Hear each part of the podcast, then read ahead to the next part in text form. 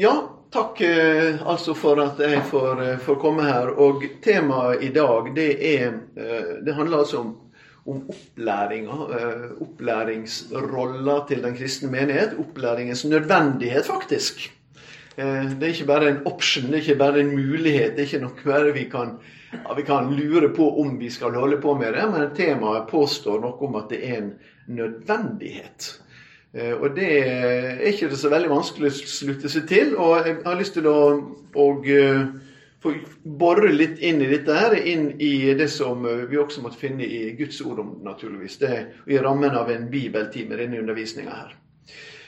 Så det, Måten jeg vil gjøre dette på, at jeg vil først se litt inn i Bibelen på dette med undervisning, hvordan vi finner det. og jeg vil spesielt gjøre en liten gjennomgang av 1. Timoteus brev, det fjerde kapittelet. Jeg hadde lurt på om jeg skulle gjøre til en bibeltime over det. Nei, men det gjorde jeg ikke. Og så vil jeg da, når jeg har gått gjennom litt av disse bibelstoffet, så vil jeg samle det i fem-seks moment som jeg tenker disse er viktige. Her oppsummerer det, og så går vi disse bør menigheten på en eller annen måte ta videre. Og så vil jeg adressere det inn i Betlehem. Og det er mest i spørsmålsform, egentlig. Fordi at det er dere som kjenner dere egen menighet best. Eh, og eh, så kjenner jeg den litt. Jeg skal ikke si det, jeg er ikke historieløs her, men samtidig så er jeg ikke tett på og kjenner den hvor den er i dag. Og så er det det å adressere det til dere som er her nå i dag, og så er det noen som da kommer kanskje til å lytte til dette på nettsiden eller Facebook eller hvor det skal ut. Eh, og det vil jo for så vidt være et bidrag, fordi at det er mange andre som deltar i menighetens undervisning til de ulike aldersgruppene også, som menigheten består av, enn den flokken som er her i dag. Men la oss begynne med å si litt om undervisning, eh, dette med undervisning i, i vårt. Hvordan finner vi det? Og Jeg har lyst til å si litt fra Det gamle testamentet, litt fra Det nye testamentet, og så litt dypne på, på første Timoteus brev, fjerde kapittelet. Eh, men dette er jo noe vi møter mye, naturligvis, i, eh, i bibelstoffet vårt. Fordi at ja, Vi kan begynne med en salme som salme 1, ikke sant? Om, uh, om uh, dette treet som står ved rennende bekker. Hvem er det som er sånn og bærer frukt uh, i rett tid, og løvet ikke visner på, og alt han er skal lykkes for? Jo, det er den som ikke sitter i spotterlag og tar til, tar til seg den lærdommen, men som tar imot Herrens lov og grunner på Guds ord dag og natt. Det er noe med å ta inn dette stoffet som jo er gitt. Og for, for jødefolket så var jo, så var jo Toraen, ikke sant, lova. Det var jo sjølve perla, det var sjølve innholdet. Det var, eh, det var så nær en kunne komme Gud som mulig. En hadde ingen tanke om at Gud kunne inkarnere seg. Og selv om Gud kom som noen engler av og til, så var det ingenting som var mer hellig for jøder enn lova som var særskilt for dem, på den måten at Gud hadde åpenbart seg for folket. Og den lova måtte en jo lære. Og Vi vet jo det helt fra Jesu tid ikke sant, at gutter eh, på tolv års gamle gutter hadde jo gått, mange av dem gått i skole og lært. Allerede lært store deler av Toraen eh, utenat. Dette var helt sentralt i den jødiske trua. I den gammeltestamentlige tida, i den mellomtestamentlige tida og i den nytestamentlige tida. Det er noen skrifter som jeg er ganske glad i, blitt ganske glad i med åra, egentlig, i Det gamle testamentet. Spesielt et som jeg ikke skal komme inn på her. Jeg er veldig glad i det som jeg av og til kaller for, for Det gamle testamentets filosof. Eh, og som er forkynneren. Eh, men det er en annen bok også blant disse såkalte visdomsbøkene i Det gamle testamentet. Og det er jo da f.eks. ordspråka. Salomos ordspråk. Og de ni første kapitlene i Salomos ordspråk Eh, for Vi tenker ofte om Salomos ordspråk som, som sånne enkeltvers, sånn som aforisme som liksom står der, og så er det ikke noen sammenheng i det. Når vi skal lese Salomos ordspråk til sånn egen daglig oppbyggelse, så er det nesten vanskelig å lese mer enn et vers, for det neste verset handler på ingen måte om det samme. Eh, slik er det ofte når du går inn i disse fra kapittel 10 og utover. Eh, men de første ni kapitlene i Salomos ordspråk er jo grunnen det er en far som underviser sin sønn, rett og slett. Og han vil undervise sønnen så han kan bli vis. For det er ikke noe han vil trenge mer i livet enn å eie visdom. Og til visdom så trengs det en oppdragelse. Og denne oppdragelsen er ikke bare en teoretisk oppdragelse. Ja, en del av oppdragelsen er naturligvis å bli kjent med Toraen og bli kjent med lova. Men det har også et siktemål mot livet. Og Hele ordspråket handler jo om det. Det handler jo om selve livet. Det har livet som sikte. Og det er jo en sånn stor læresalme og visdomssalme som salme 119, med sine 176 vers. Men allerede i det niende verset så hører vi jo at hvordan kan den unge, og det kan jo for så vidt være andre enn unge òg, holde sin sti rein ved å holde seg til ditt ord. Og Derfor legger denne salmen vind på, vekt på, at vi må undervise. Vi må undervise de unge. Dette finner vi veldig mye av i Det gamle testamentet. Og så er det møtet med Det gamle testamentet. Og det har kanskje ikke minst slått meg i møte med våre afrikanske brødre og søstre når jeg vært en del på det afrikanske kontinentet. Det er jo hvor mye lærdom der er å hente av dette persongalleriet i Det gamle testamentet. Og Det står jo i Skrifta i Det nye testamentet at alt som er skrevet, er skrevet til oss til lærdom. ikke sant?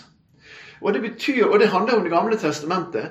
Og den lærdommen kunne jo være i å pugge bibelversen, naturligvis. Den lærdommen kunne være i å ha en god dogmatisk oversikt over hvem Gud er. Men veldig mye av lærdommen i Det gamle testamentet kommer til oss gjennom mennesker sine liv.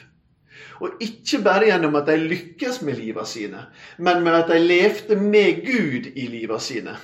Eh, og var på tett hold av Gud og vise gjennom sine liv i seier og nederlag hva det betyr å leve med Gud. Og Det er jo det vi trenger å lære, ikke sant?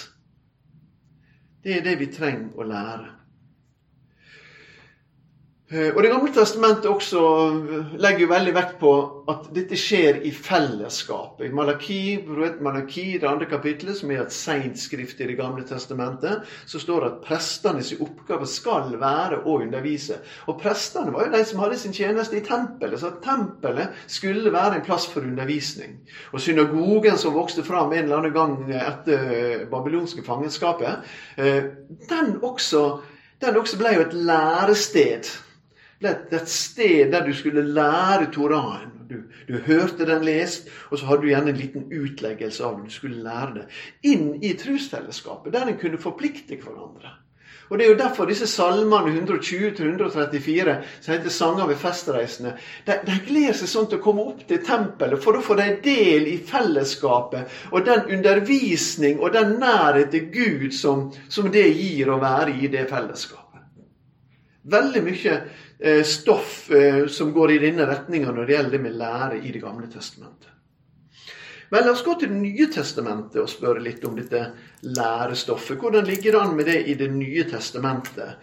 Vel, eh, det som slår oss først, i alle fall, og vi må stoppe med først, det er at Jesus er en som underviser.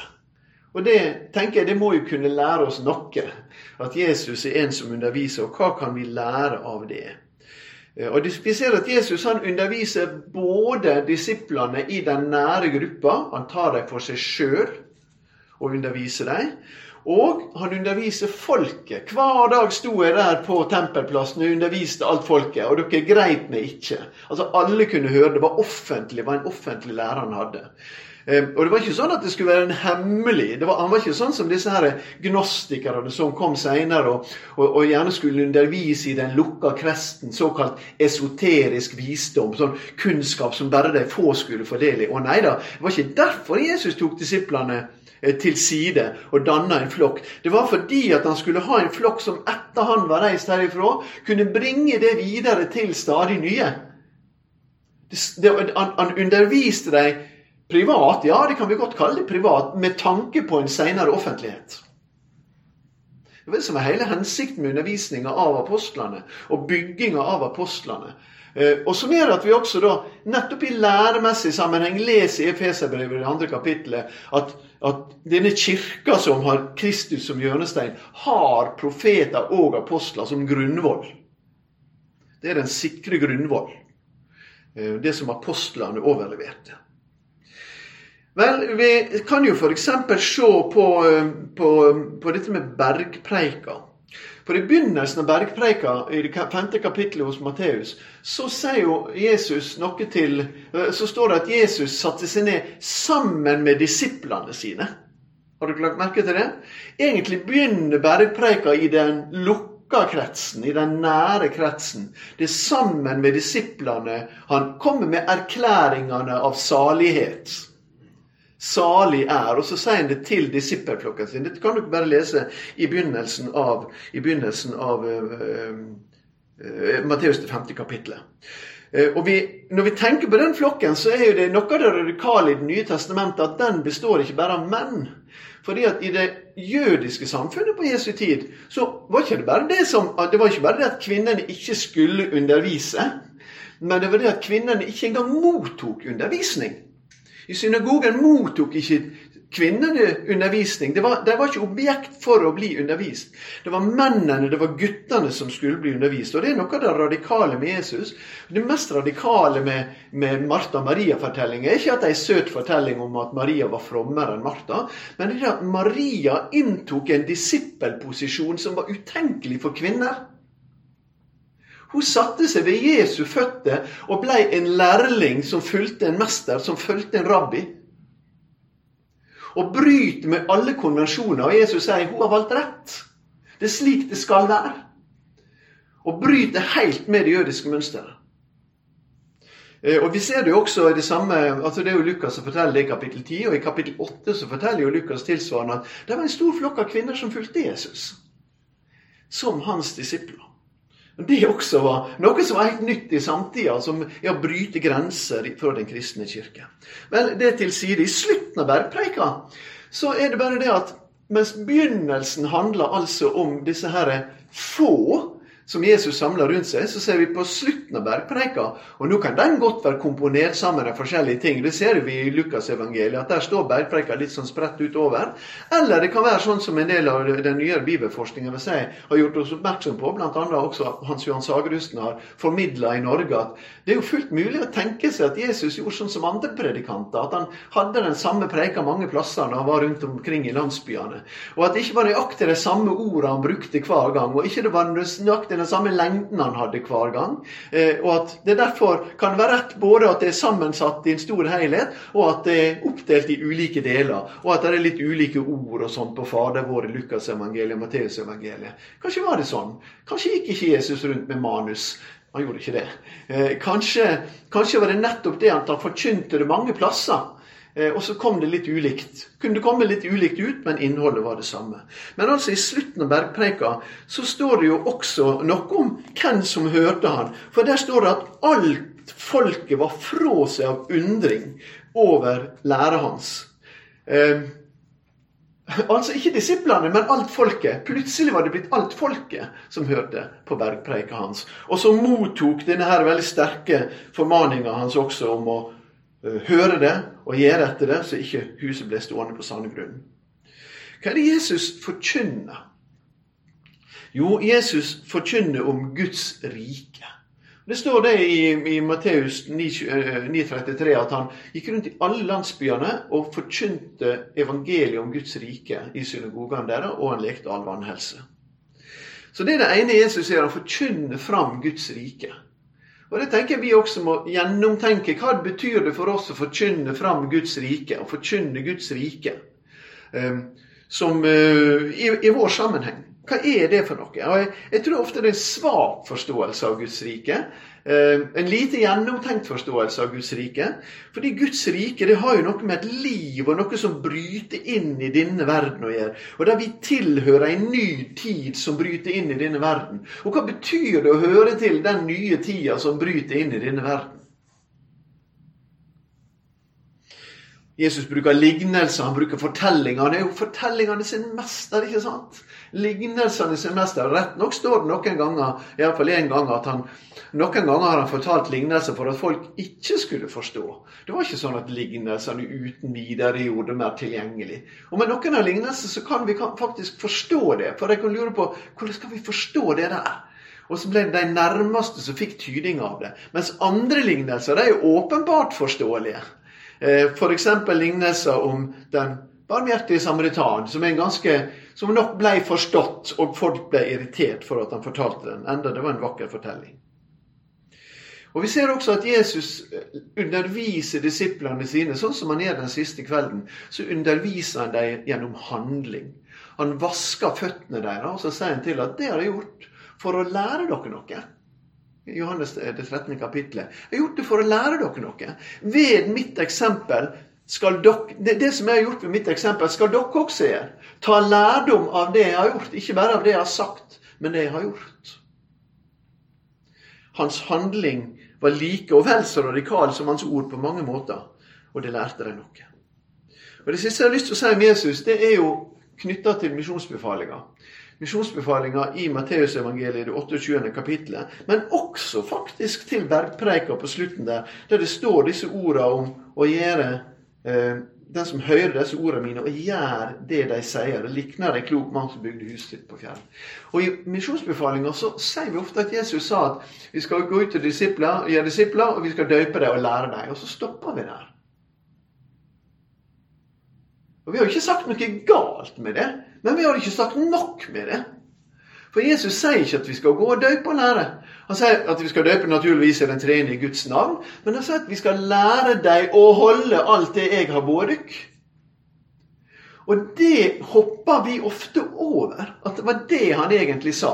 Og Spesielt i, i vår lutherske tradisjon så har vi hatt litt, de har vi anklaga av og til for å være litt sånn hodeorientert. Men Jesu undervisning handler om en lære. Naturligvis handler det om en lære. Men det handler om at han lærer oss noe som skal bety noe i livet vårt. Det skal forvandle livet vårt. Det skal sende oss ut i hverdagen. For at vi skal leve ut Guds rikes verdier. For at vi skal la Den hellige ånd lede oss i et hellig liv og etterfølgelse av Jesus Kristus å holde Jesu Kristi bud. Vi må ikke være redd for å si det. I Bibelen ikke lovisk av å si det. Vi sier det jo ut fra det at det er Gud ved evangeliet som nettopp har vunnet våre hjerter. Han som reiste Jesus opp fra de døde. Og Vi ser det også i, i undervisninga i Oldkirka. Det begynner jo i apostelgjerningene med at det står at de holdt fast ved Hva holdt de fast ved? Læra til apostlene læra til apostlene. Det er selve grunnmuren i det bygget som nå ble bygd, med Kristus som hjørnestein. Ja, ikke bare læra til apostlene. Vi ser i 2. Timoteus-brev, det tredje kapittelet, at eh, de holdt seg til Skriften, akkurat som jødene. Så sier han ja, men dere må bruke de hellige skriftene, for de kan gjøre dere vis til frelse ved trua på Jesus Kristus. Ja, og de kan også gjøre dere dugende til all god gjerning. Så de må undervises fram. Timoteus må undervise fram Gudsordet og Skriftene fra Det gamle testamentet, som, så de lærer det sitt, for sitt tru og for sitt liv. Og de er jo veldig tydelige, akkurat sånn som Jesus i Lukas evangeliet 24. 20. kapittel, der det står at han utla Skriftene for dem. Eh, alle Skriftene i lova, hos lova hos profetene, og viste at de snakka om Han var det han gjorde på vei til Emmaus, og det var det han gjorde i slutten av kapittel 24, der han sendte ut med misjonsbefalinga. Eh, og Slik går de fram også apostlene i apostelgjerningene, ser vi. Når vi leser, når vi leser preiken deres, så er de djupt forankra i Det gamle testamentet, og så løfter de gjennom forkynnelsen fram Jesus ifra Det gamle testamentet og forkynne Jesus Kristus. Ja, Paulus sier 'Jeg vil ikke vite noe annet blant dere enn Jesus Kristus'. Og han korsfesta. Så skriver han senere om oppstandelsen i hele 60 vers. sånn at han mente jo litt med det òg. Eh, men altså, det er Jesus Kristus som forkynnes.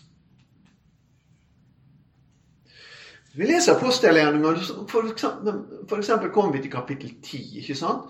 Eh, da kommer vi til denne fortellinga om Peter, som blir sendt etter hvert til Cesarea fra Jaffe eller, Jaffe eller Joppe. Eh, som blir sendt opp for å forkynne evangeliet for Kornelius. Og Der ser vi, og, så slår Den hellige hånd til, og så forstår han at ja, det er rett at hedningene skal få evangeliet.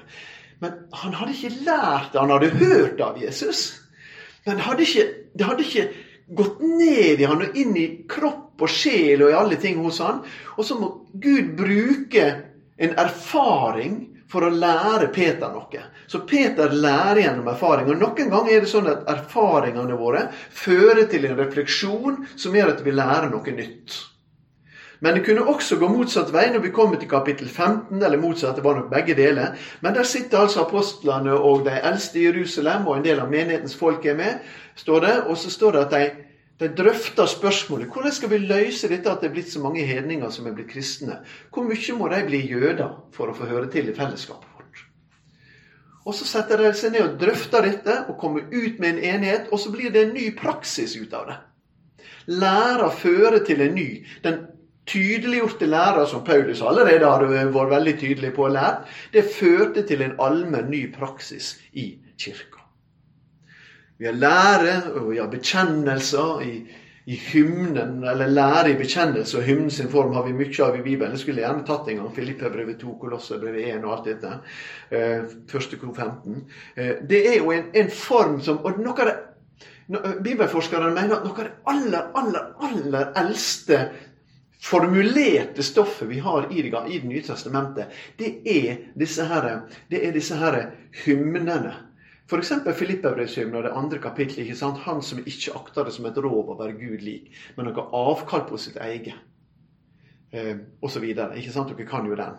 Eh, denne hymna den, den må ha kommet til kanskje bare en måned etter pinsedag. Er en, en ganske framstående forsker som sier. Men iallfall i løpet av ytterst få år etter pinsedag må den ha blitt til. Fordi den er så grunnleggende jødisk i forma si.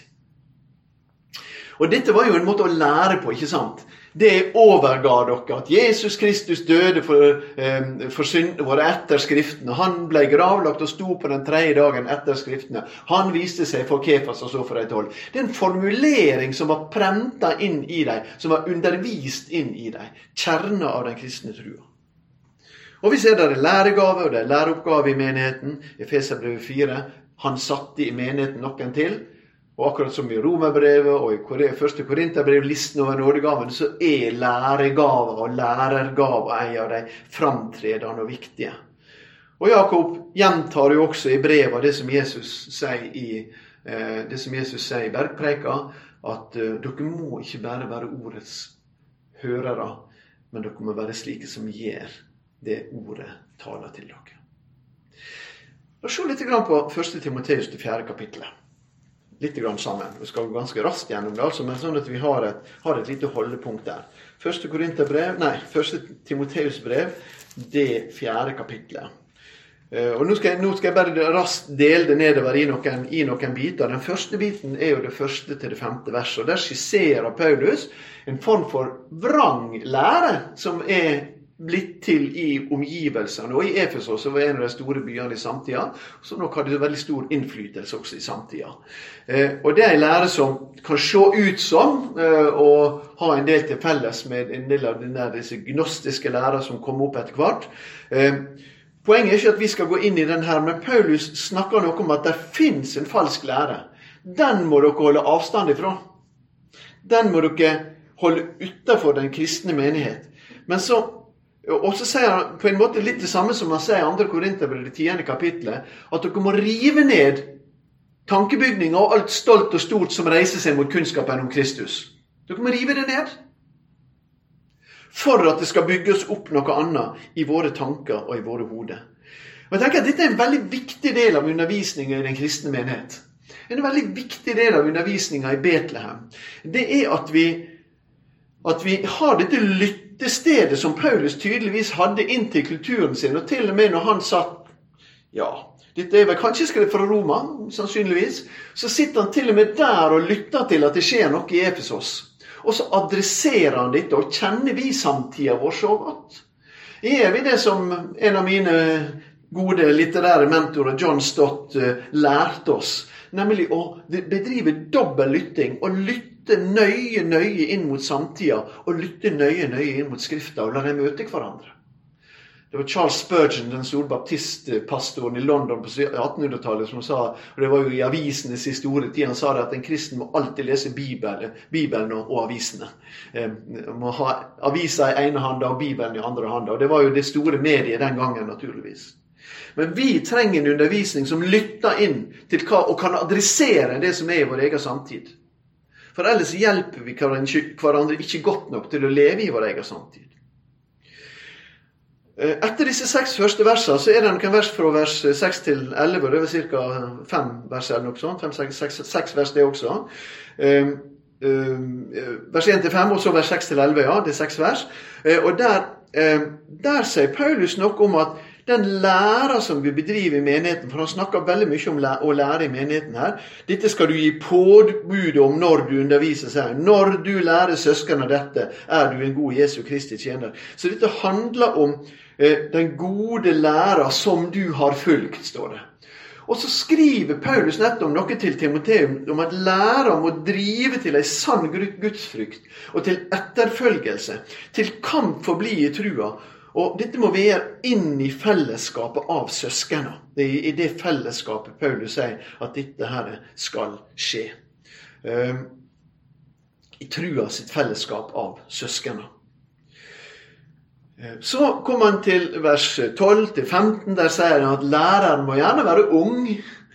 Eh, den, det, og det er noe ikke det så ungt publikum her i dag, da, men det er veldig viktig at vi slipper fram unge mennesker som også har denne lærens gave, og lytter til dem og tar imot med respekt eh, det som kommer fra de iblant oss som måtte ha denne lærers gave. Eh, denne, for læreren skal ikke måles på hvor gammel han er, men læreren skal måles på om han lever eller hun lever det de lærer, og skal oppmuntres til å stå i sin nådegavebaserte tjeneste. Og Til dette så hører naturligvis skriftlesing og formaning. og Det ser vi veldig tydelig i Oldkirka. Vi har et skrift fra 90-tallet sannsynligvis som heter Didache, de tolv apostlers lære, og som handler om forberedelse til dåp, egentlig. da. Og Dette er et skrift som der skriftlesinga står veldig sentralt. Og, sånn som Paulus skriver her i det 13. verset, tar jeg særskilt av skriftlesinga, formaninga og opplæringa helt til jeg kommer. Altså, Opplæringa og opplæringa skal stå der sammen med skriftlesinga, men også formaninga. Altså hjelpe de kristne til å leve rett, rett og slett. Og det er det er påfallende hvor sterkt dette her er i den kristne oldkirkelige litteraturen, og i et skrift, gammelt skrift som Didache. Eh, hvor viktig det var at de kristne tok på alvor at det var Jesus de fulgte, og at det viste igjen i hverdagslivet. Og så sier dere i det 16. verset gi akt på deg sjøl og på læra. Det vel, betyr vel noe sånt som lærergjerninga di. da. Hold fram med det, for når du gjør det, hva skjer da? Hva er hensikten med undervisningstjenesten? Jo, det er Hensikten er at da kan du frelse både deg sjøl og de som hører deg. Altså Det er frelse som er hensikten med undervisningstjenesten i den kristne menighet. Rett og slett det sikter imot mest sentrale valg. Og Jeg tenker f.eks. på et sånt hjelpemiddel som eh, et sånt redskap som vi har i, med, for menighetene våre, som uh, dere har kjørt i Betlehem jeg vet, tidligere, og som jeg syns dere må tenke gjennom når skal dere kjøre det igjen. Og det er alfakurset. Alfakurset er jo nettopp det. Det er jo noe av den, det er jo kjempemasse undervisning i alfakurset. Ti kvelder med undervisning og en weekend. Eh, men det er ikke bare undervisning. Det er undervisning i et godt fellesskap av mennesker. Det er undervisning med et måltidsfellesskap. Det er undervisning som er fulgt opp med spørsmål og diskusjon i grupper, og en form for trygghet fordi gruppene er små nok.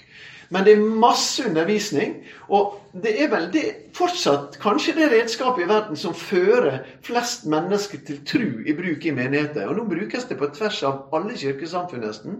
Masse i bruk også nå i den katolske kirke, faktisk. Romersk-katolske kirke. kirke. Men også rundt omkring i ulike av våre sammenhenger. Mange av våre sammenhenger. Vi har drevet masse med det. Eh, og Her vil jeg utfordre dere nettopp til å tenke det at undervisning er ikke først og fremst noe, ikke bare noe som skjer innad, da skal vi oppbygge hverandre her, og så går vi ut. Men undervisning kan også være en viktig del av det å lede mennesker til tru. Og i en misjonssituasjon, som i enda større grad er en sånn genuin misjonssituasjon, så vil veien til tru være lang for veldig mange, fordi avstanden til trua er så lang i utgangspunktet. Og Det betyr at vi må gå et stykke vei med mennesker som er inn i den kristne trua. Og den stykke vei kan vi ikke klare å komme i mål med med appeller. Den stykke vei må vi ha med en eller annen form for undervisning som åpner opp stadig flere deler av den kristne trua i en genuin misjonssituasjon. Så Hvis jeg skal summere opp disse tingene i noen punkt før jeg utfordrer dere litt her i Betlehem, så vil jeg si at punkt 1. Undervisninga hensikt må være frelser, frelsesbudskapet. Eh, og det at mennesket skal kjenne Jesus Kristus og tro på Han. Det skal alltid være det. Eh, og Også når vi underviser ulike tema som vi tar opp, så er det for at de skal grunnfeste oss i, som Judas skriver, vår høgheilage tru. Bygg hverandre opp på dykkar høgheilage tru. Det andre er altså at undervisninga eh, skal ha et innhold med Kristus som sentrum og Guds ord som basis. Undervisninga i Betlehem, i de ufor ulike aldersgrupper, samme hvem det er til, må alltid sørge for å ha, denne, uh, ha dette fokuset på Kristus og denne forankringa i Guds ord. Uh, og det er klart For enkelte aldersgrupper så er jo det å undervise Guds ord og ganske, for ganske scratch egentlig for mange ganske basisaktig for ganske mange, også i Betlehem, tror jeg. Noen barn og unge i Betlehem som trenger å bygges helt nedenfra. Ja, jeg er vel overraska, egentlig, også inni våre organisasjoner og organisasjonsmiljø, at det er en god del bibelsk analfabetisme ute og går rundt omkring i mange av fellesskapene våre. Uh, utrolig mange mennesker som leser lite i Bibelen. Mange kristne, aktive kristne, bekjennende kristne. Utrolig mange bekjennende kristne som bevisst og aktivt tar inn stoff som skal bygge opp trua. Eh, og hvis forkynnelsen i menigheten, og sånn er jo ikke det i Betlehem, men i en del av bedehuskulturen, så har forkynnelsen går av en sånn type enkel og appeller, appellerende art at den nok har kunnet fungert som vekkelsesbudskap, men hvis det bare er kristne mennesker der, så trengs det en annen lødighet i forkynnelsen. Det trengs at vi får mat, fast føde, som hebreerbrevet kaller det. Og Dette må ikke vi være redd for å gi, fordi at vi kan ikke gå rundt som eh, bibelske analfabeter og tro at det går an å nå ut med frelsesbudskapet i vårt eget land. Det er klin umulig. Vi må ha et folk som både er grunnfesta og overbevist om det som Gud meddeler oss i sitt hellige ord. Eh, undervisninga må skje i en klar berøring med det som utfordrer trua og etterfølgelsen. Og Der har vi jammen mye å ta av i vår egen samtid. Eh, og Det betyr at det som vi ser ganske mye i dag, og som jeg gleder meg hellig over i kristne sammenhenger, og ungdomssammenhenger spesielt i dag, det er jo denne gjenopplivelsen av det apologetiske, av trusforsvaret. Det tankemessige trusforsvaret. Og Det skriver jo Peter i 1. Peter 3,15 også, at dere skal være klar til enhver tid for å forsvare apologein, eh, verbet på gresk, altså apologetikk å gjøre. Dere skal være klar til å forsvare det håpet som dere eier. Så, så, så vi, har, vi, har, klare holdepunkt på det. Og Paulus sin oppførsel i Aten tyder på at han var der, at han lytta til sin samtid og gikk inn i et forsvar for evangeliet. For så vidt et angrep på en del av kulturen rundt seg også, men også en bekreftelse av noe av kulturen. For å komme i kontakt med kulturen. Her trenger vi å gjøre en skikkelig jobb. Jeg tror Betlehem, Bergens Indremisjon kanskje har en vei å gå på nettopp det. På å kunne møte denne storbykulturen utafor her som på mange måter ville oppleve at det å komme inn i Betlehem, det å komme i berøring noe som er veldig, veldig, veldig fremmed for dem. Og hvordan vil Betlehem ta, Bergens Indremisjon ta den utfordringa? Og våge seg i en enda tettere dialog med og enda tettere berøring med kulturen rundt oss. Jeg er veldig glad for at dette her, det er mange kristne unge som er med i dette. Vi er med på NLA i en konferanse som nettopp var nå, og nå var den digitalt i år, som heter Veritas-konferansen. Det betyr sannhet. Og Det er ganske frimodig av unge kristne mennesker å si at vi tror faktisk vi driver på med sannheten her. Det er den vi vil formidle. Denne Veritas-konferansen skal hjelpe, og den har på det meste hatt 700 deltakere i Grimstad på en lørdag. Da kommer de fra hele landet og reiser på fredagen for å oppleve en hel lørdag og reise igjen søndag morgen. Ned til fjerne Grimstad, på en kyst ned mot Danmark. 700 ungdommer kommer reisende rundt omkring fra hele Norge, ja, fra hele Sør-Norge, for å være der. Fordi at trua dere trenger det. Og de må gjerne reise til Grimstad hvert år, men det, ungdommer i Bergen skal slippe å reise til Grimstad. De skulle få dette i Bergen, de skulle få det i Betlehem, de skulle få det mange andre plasser. Og jeg tenker, Nå har vi en kristen bokhandel der borte, og nå må dere støtte den. Nå må dere gå og handle der, folkens. Kristne mennesker må lese mer. Må lese ting som bygger trua.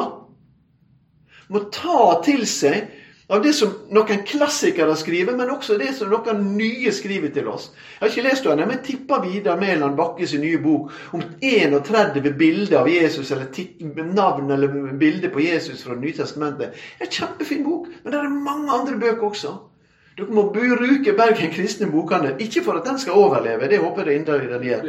Ja, det er også, naturligvis. Men eh, rett og slett fordi at vi trenger Vi trenger å Har ikke vi skrytt av at vi har vært myndig lekfolk? Jeg har slutta å tro på det. Beklager dere. Jeg vet ikke hvor jeg finner det igjen henne.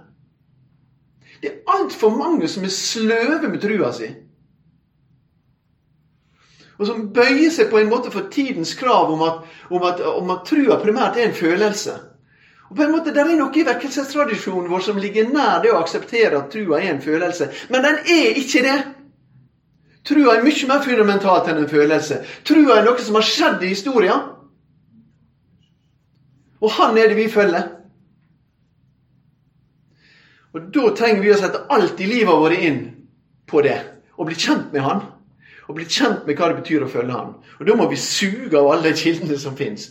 Og det her kan du gå på nettet også. Det står ikke i konkurranse til bøker. Jeg bruker begge deler.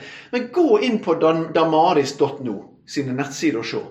Det er så enormt mye ressurser. Du kan få tre minutts ressurser, du kan få 30 minutts ressurser, du kan få en times ressurser. Du kan velge på en måte litt det du vil. Det er så mye ressurser som hjelper oss på plass med element av den kristne trua, med store biter av den kristne trua.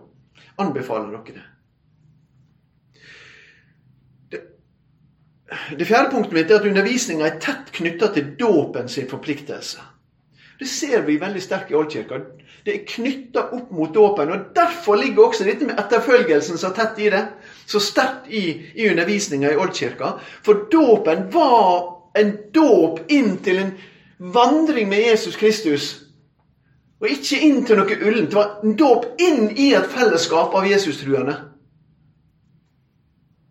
Og jeg er jo redd for det vi har gjort med dåpen, at vi på en måte vi har fått litt for mye trøbbel med dåpen fordi vi på en måte bare har slengt den ut til alle, til alle mennesker uten å spørre. Nå har vi kommet til en situasjon der mange i folket vårt ikke er døpt. 50% av barna blir ikke døpt i et vanlig år i år. Og mange går og sørger over at de ikke blir døpt. Ja, det kunne de gjøre, men det er jo ikke det vi skal sørge over. Det vi må sørge over, at den trua som har båret fram dåpen, ikke er der lenger. Og det nytter ikke å døype uten at den trua er der. Det er meningsløst. Det er kristent sett meningsløst. Og Derfor må vi legge en kjempevekt på dåpsundervisninga eh, inn også i menighetene våre, i ulike aldre. Ha en god oppfølging av de døpte, slik at det blir trua og, og, og, etterfølgelse av det. Og hjelpe familiene i Betlehem til å oppdra sine barn i den kristne forsaking og tru. Så det blir tru og etterfølging av dette for et helt liv. Det femte punktet mitt er vil si, dersom undervisninga ikke fører til et hellig liv i etterfølgelse, så har det ikke skjedd læring. Det er mange sånne definisjoner på læring, og en av definisjonene på læring er at uh, læring er endring av atferd. Og Det våger jeg iallfall å si her, at hvis ikke læringa i det kristne fellesskapet fører til et hellig liv i Jesu Kristi etterfølgelse, så har det ikke skjedd læring. Da kan det, Vi skal lære å holde det han har befalt oss. ikke sant? Og Jeg hørte et sånn veldig trist utsagn for mange år siden. Eh, når jeg, jeg, var på bildet og lærer der, så hørte jeg fra en av sammenhengene i, i, i den sammenhengen vår her, i Misjonsforbundet Dette kunne jeg sagt overalt, men det var der jeg hørte det. var noen som sa at ja, Eh, det, det, som skjer som regel når vi går fra bedehuset vårt, det var i en gitt sammenheng innenfor sammenhengen her når, når vi bruker å gå fra bedehuset, så bruker vi å si til hverandre at ja, det var interessant. Er det noe mål at det skal være interessant å gå herifra dere? Jeg, husker ikke at Jesus sa det noen gang. Jeg har ikke registrert at apostlene har sagt det heller. Ja, det var interessant. Ja, men fin teori om tusenårsriket. Ja. Ja, ja, ja. Nå må vi gå hjem og så må vi granske og se om vi kan finne noen andre spissfindigheter. Dere, vi trenger, vi trenger et oppbrudd. Vi trenger et oppbrudd fra en måte å tenke lære på som er at lære bare er noe som skal stimulere hodet vårt eller være interessant eller kunne føre til en diskusjon i bibelgruppa vår. Vi skal lære å holde. Ja, for I den lutherske lære så er det sånn at det er lærer som splitter, ikke sant? For sann enhet i kirka så må en være enig om evangeliet, lære av evangeliet. Og det er jo ingen For all del, jeg holder 100% fast ved det. Men det brukes av noen i dag til å si det at ja, men det kan ikke brukes. Det går på det sentrale i trua. Det kan ikke brukes som etikken. Nei, kan ikke det det? Nei, hvis ikke dåpsopplæringa og trusopplæringa har hellig liv i etterfølgelse som siktemål, da kan vi bare glemme det. Da har ikke det noe med etikken å gjøre. Men hvis opplæringa vår sikter mot et hellig liv, da har etikken alt med lære å gjøre. Og det rommet må vi sikre oss. Så ikke vi innfører en kultur som gjør det, gjør det slepphendte med synda. Og Det siste punktet på disse elementene som vi må ta med oss videre, er la undervisninga få utfolde seg kreativt med Jesus som pedagogisk læremester. Og Der har vi ganske mye å gå på. Dette er jo en sånn tradisjonell setting. sant? Der jeg laga en fin powerpoint i dag med en del bilder. Ingen tekst, egentlig. Nesten ingen tekst. Så den tenkte jeg skulle få se på, sånn at dere på en måte kunne følge med. fordi at Noen av dere ramla ut for 20 minutter siden, noen av dere ramla ut for 5 minutter siden. Og sånn er det ikke sant med, med den pedagogiske situasjonen. Det er ikke sånn at det er ikke lett å holde fokus. Det er ikke lett å holde konsentrasjonen. Dere har all mulig medlidenhet og forståelse fra min side. i alle fall. Og Derfor er det lurt å ha noe å knytte det til. Og dette er jo ikke bare Hos dere kan jeg si det, for dere er jo som bibelsprenglere, og dere har gått i dette her i noen generasjoner. Men Det er ikke dere jeg er bekymra for, men jeg tenker på unge mennesker som er opplært i en skolesituasjon som den vi har i dag. De er vant til en pedagogikk med involvering. De er vant til at det skjer ting.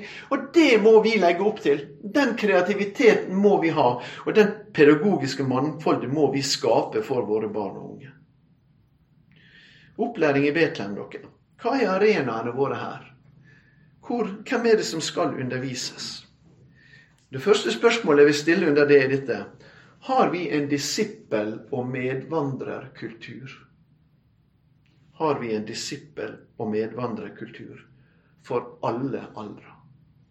Den tida jeg var i Nordmisjonen som generalsekretær, så eh, prøvde vi å etablere noe av dette også i organisert form. For vi, vi sa at vi ville at alle våre ledere i AKTA-arbeidet, som er ungdomsorganisasjonen vår, alle skal ha en voksen medvandrer. Alle. Det var det hårete målet vi hadde. Ingen skulle ikke ha en medvandrer. Eh, og hva var en medvandrer? Jo, det skulle i de fleste tilfeller være en litt mer erfaren kristen. Som hadde levd noen år med Jesus, og så kunne disse her møtes, f.eks. månedlig. Kanskje i heimen til den voksne medvandreren. Sitte og ha et måltid sammen. Snakke om livet. Snakke om den lederoppgaven som en har. Be sammen. For å lytte til hverandre. Få noen erfaringer fra den som har gått noen skritt og noen år med Jesus, til den som har gått noen færre skritt og år med Jesus. Men ikke bare i en sånn yngre-eldre-relasjon, men også oss imellom, i ungdomsarbeidet. Eller rett og slett i det allmenne aldersarbeidet, altså det, det som rekker oss. Hvordan innretter vi gruppene våre? Eh, er de til for dette formålet? Ja, La oss snakke litt om dette voksne segmentet som vi representerer. Om det, la vi kalle det det allmenne alderssegmentet. For spennet i alder mellom oss kan jo også være mye større enn spennet innenfor et ungdomssegment. Eh, La oss ta bare tre punkt på det. Hva med gudstjenesten? Kaller dere det gudstjeneste nå i Betlehem? Jeg kaller det det. Ja, det er fint, det. det er bra dere kom dit. Eh, gudstjenesten på søndag formiddag. Eh, det, er det, det, er den, det, er jo den, samlinga som samler flest og jevnest folk. Og samles jevnest folk, og det er der det samles flest mål, vil jeg tro. Og Der har vel dere en sånn gammel tradisjon på uh, at en følger i stor grad søndagens tekst. og Noen predikanter gis en litt større frihet, og sånt, og en kan ha noen unntak, men i det store og hele følger dere sannsynligvis søndagens tekst. Uh, det har iallfall vært tradisjonen. Uh, her har vi ulike kulturer. Jeg underviste litt i forkynnelse til, til studenter, til en studentgruppe på NLA for ikke så lenge siden nå. Og det gikk jo opp for meg at Eh, vi spurte hvor lenge skal en forkynnelse vare. Da snakket vi om forkynnelse i, i en gudstjenestesamling. Og da var det de som var grunnfesta i Den norske kirke, de sa maks tolv minutter. Eh, og så var det noen fra typiske frikirker, karismatiske frikirker som sa det, nei, det må være 45. Og så var det noen av oss som var imellom der og sa at ja, jeg tror det at i sånn sammenheng så er det sånn, ja, kanskje 25 minutter. Så, men, men så det fortjener jeg. Så fortalte jeg noen historier fra når jeg var i Nepal. Ehm, og når jeg var i Mali, hadde jeg to forskjellige historier, men akkurat samme historie, egentlig. Eh, jeg, kom, jeg var i Nepal, i Okaldunga, og jeg skulle forkynne i menigheten som våre misjonærer gikk i. En flott pinsemenighet der. Eh, og så fikk jeg beskjed at jeg skulle, undervise om Fader vår. Det var skikkelig undervisning. Eh, og, så sier de til meg ja, du må holde på minst en time. Og så sier jeg ja, med tolk, sa jeg. Nei, nei, pluss tolk. og sa ja, det blir ikke det, sa jeg, men det blir sikkert over en time med tolk. Ja, men du må huske på det, sa han. sa de. Her kommer folk gående, og noen har gått i tre timer for å komme hit. Og de kommer til å gå i tre timer for å komme hjem igjen.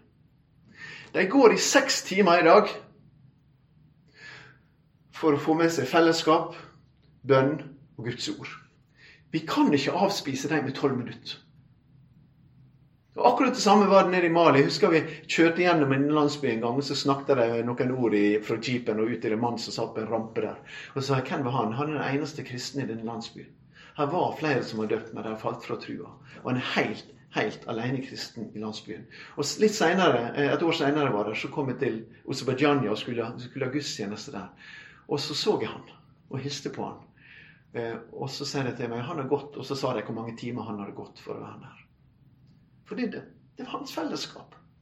Han hadde rett til å få noe når han kom noe. Er vi så, er vi så desperate etter Guds ord?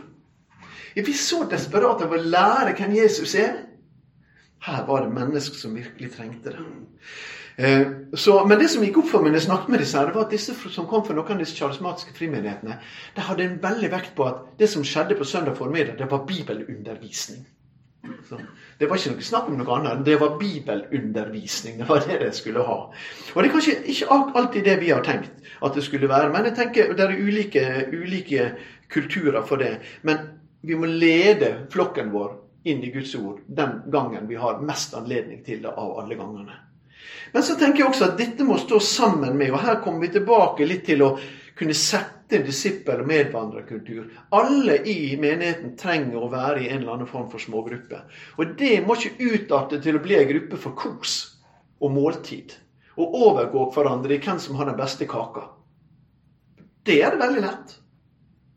Jeg er med i to smågrupper her i Bergen. Og vi har måttet tatt det opp og vi har snakket om det, hvordan vi vil ha det, for at ikke vi skal drive og overgå hverandre. Og for at vi skal ta tid til det viktigste. Og jeg tenker at i, sånn som i, i den smågruppa vi er med fra Nordkirken i byen, som er med, så er tanken med Nordkirken at vi skal hjelpe hverandre til å bli gode etterfølgere av Jesus. Eller vi skal hjelpe hverandre til å etterføl være etterfølgere av Jesus. Ja, kan det være målet for, små, for alle smågruppene våre, for bibelgruppene våre, for misjonsgruppene våre? Vi ber litt for misjon, naturligvis, får litt informasjon, og vi gir kollekt til det der. Eh, det vil si, nå vippser vi bare, da. Men, men, men anyway, Går det an å tenke at, små, at, at Betlehem går inn i en jobb med å danne smågrupper der vi skal hjelpe hverandre til hva det betyr å følge Jesus denne veka her? Det tror jeg vi trenger. Jeg tror dere trenger det. Og så har vi jo naturligvis sånn som har med undervisningskvelder og opplegg, sånn som vi har her. Har her da. Jeg tenker på barna. Hva er det vi byr barna våre? Hva byr dere barna deres i Bergens Indremisjon? Hva opplæring får de? Er mulig dere er inn på Havana, Jeg vet ikke. Det er jo et voldsomt opplegg. Det krever en del ressurser. Og i den grad en klarer å følge det opp, så er det et glimrende opplegg. Um, og klarer ikke å følge opp det, så får en gjøre det på en enklere måte. Men du kan ikke fire på det at barna skal ledes til tro og etterfølgelse. Og jeg syns det er så fantastisk å se mine barnebarn, for mine barn våger å gå lenger med sine barn enn jeg vågde å gå med mine. Og jeg gikk lenger med mine enn mine foreldre vågde å gjøre. Det har vært en vekkelsestradisjon. Men det var alltid enten mamma eller pappa som ba hjemme hos oss. Punktum. Men nå sitter mine barnebarn av og til og ber. Noen er mer beskjedne og det skal ikke trykkes for mye på. Men jeg ser i den generasjonen at de, de vil gjerne slippe seksåringene, åtteåringene og tiåringene til å be på heimebane. Sånn opplæring vil, vil Jesus at vi skal ha, tror jeg. Vi hjelper barna våre ikke bare til å forstå treenigheten. Ja, men gjerne gjøre en jobb på det, for det skulle jeg gjerne forstått enda mer av. Jeg, jeg grubler mye på kristne spørsmål. Men vi skal ikke bare lære til å forstå dypnen i forsoninga, eller hva det måtte være. Vi skal også hjelpe dem til en truspraksis som er som ei grind, og står der og, og rammer inn livet livet våre.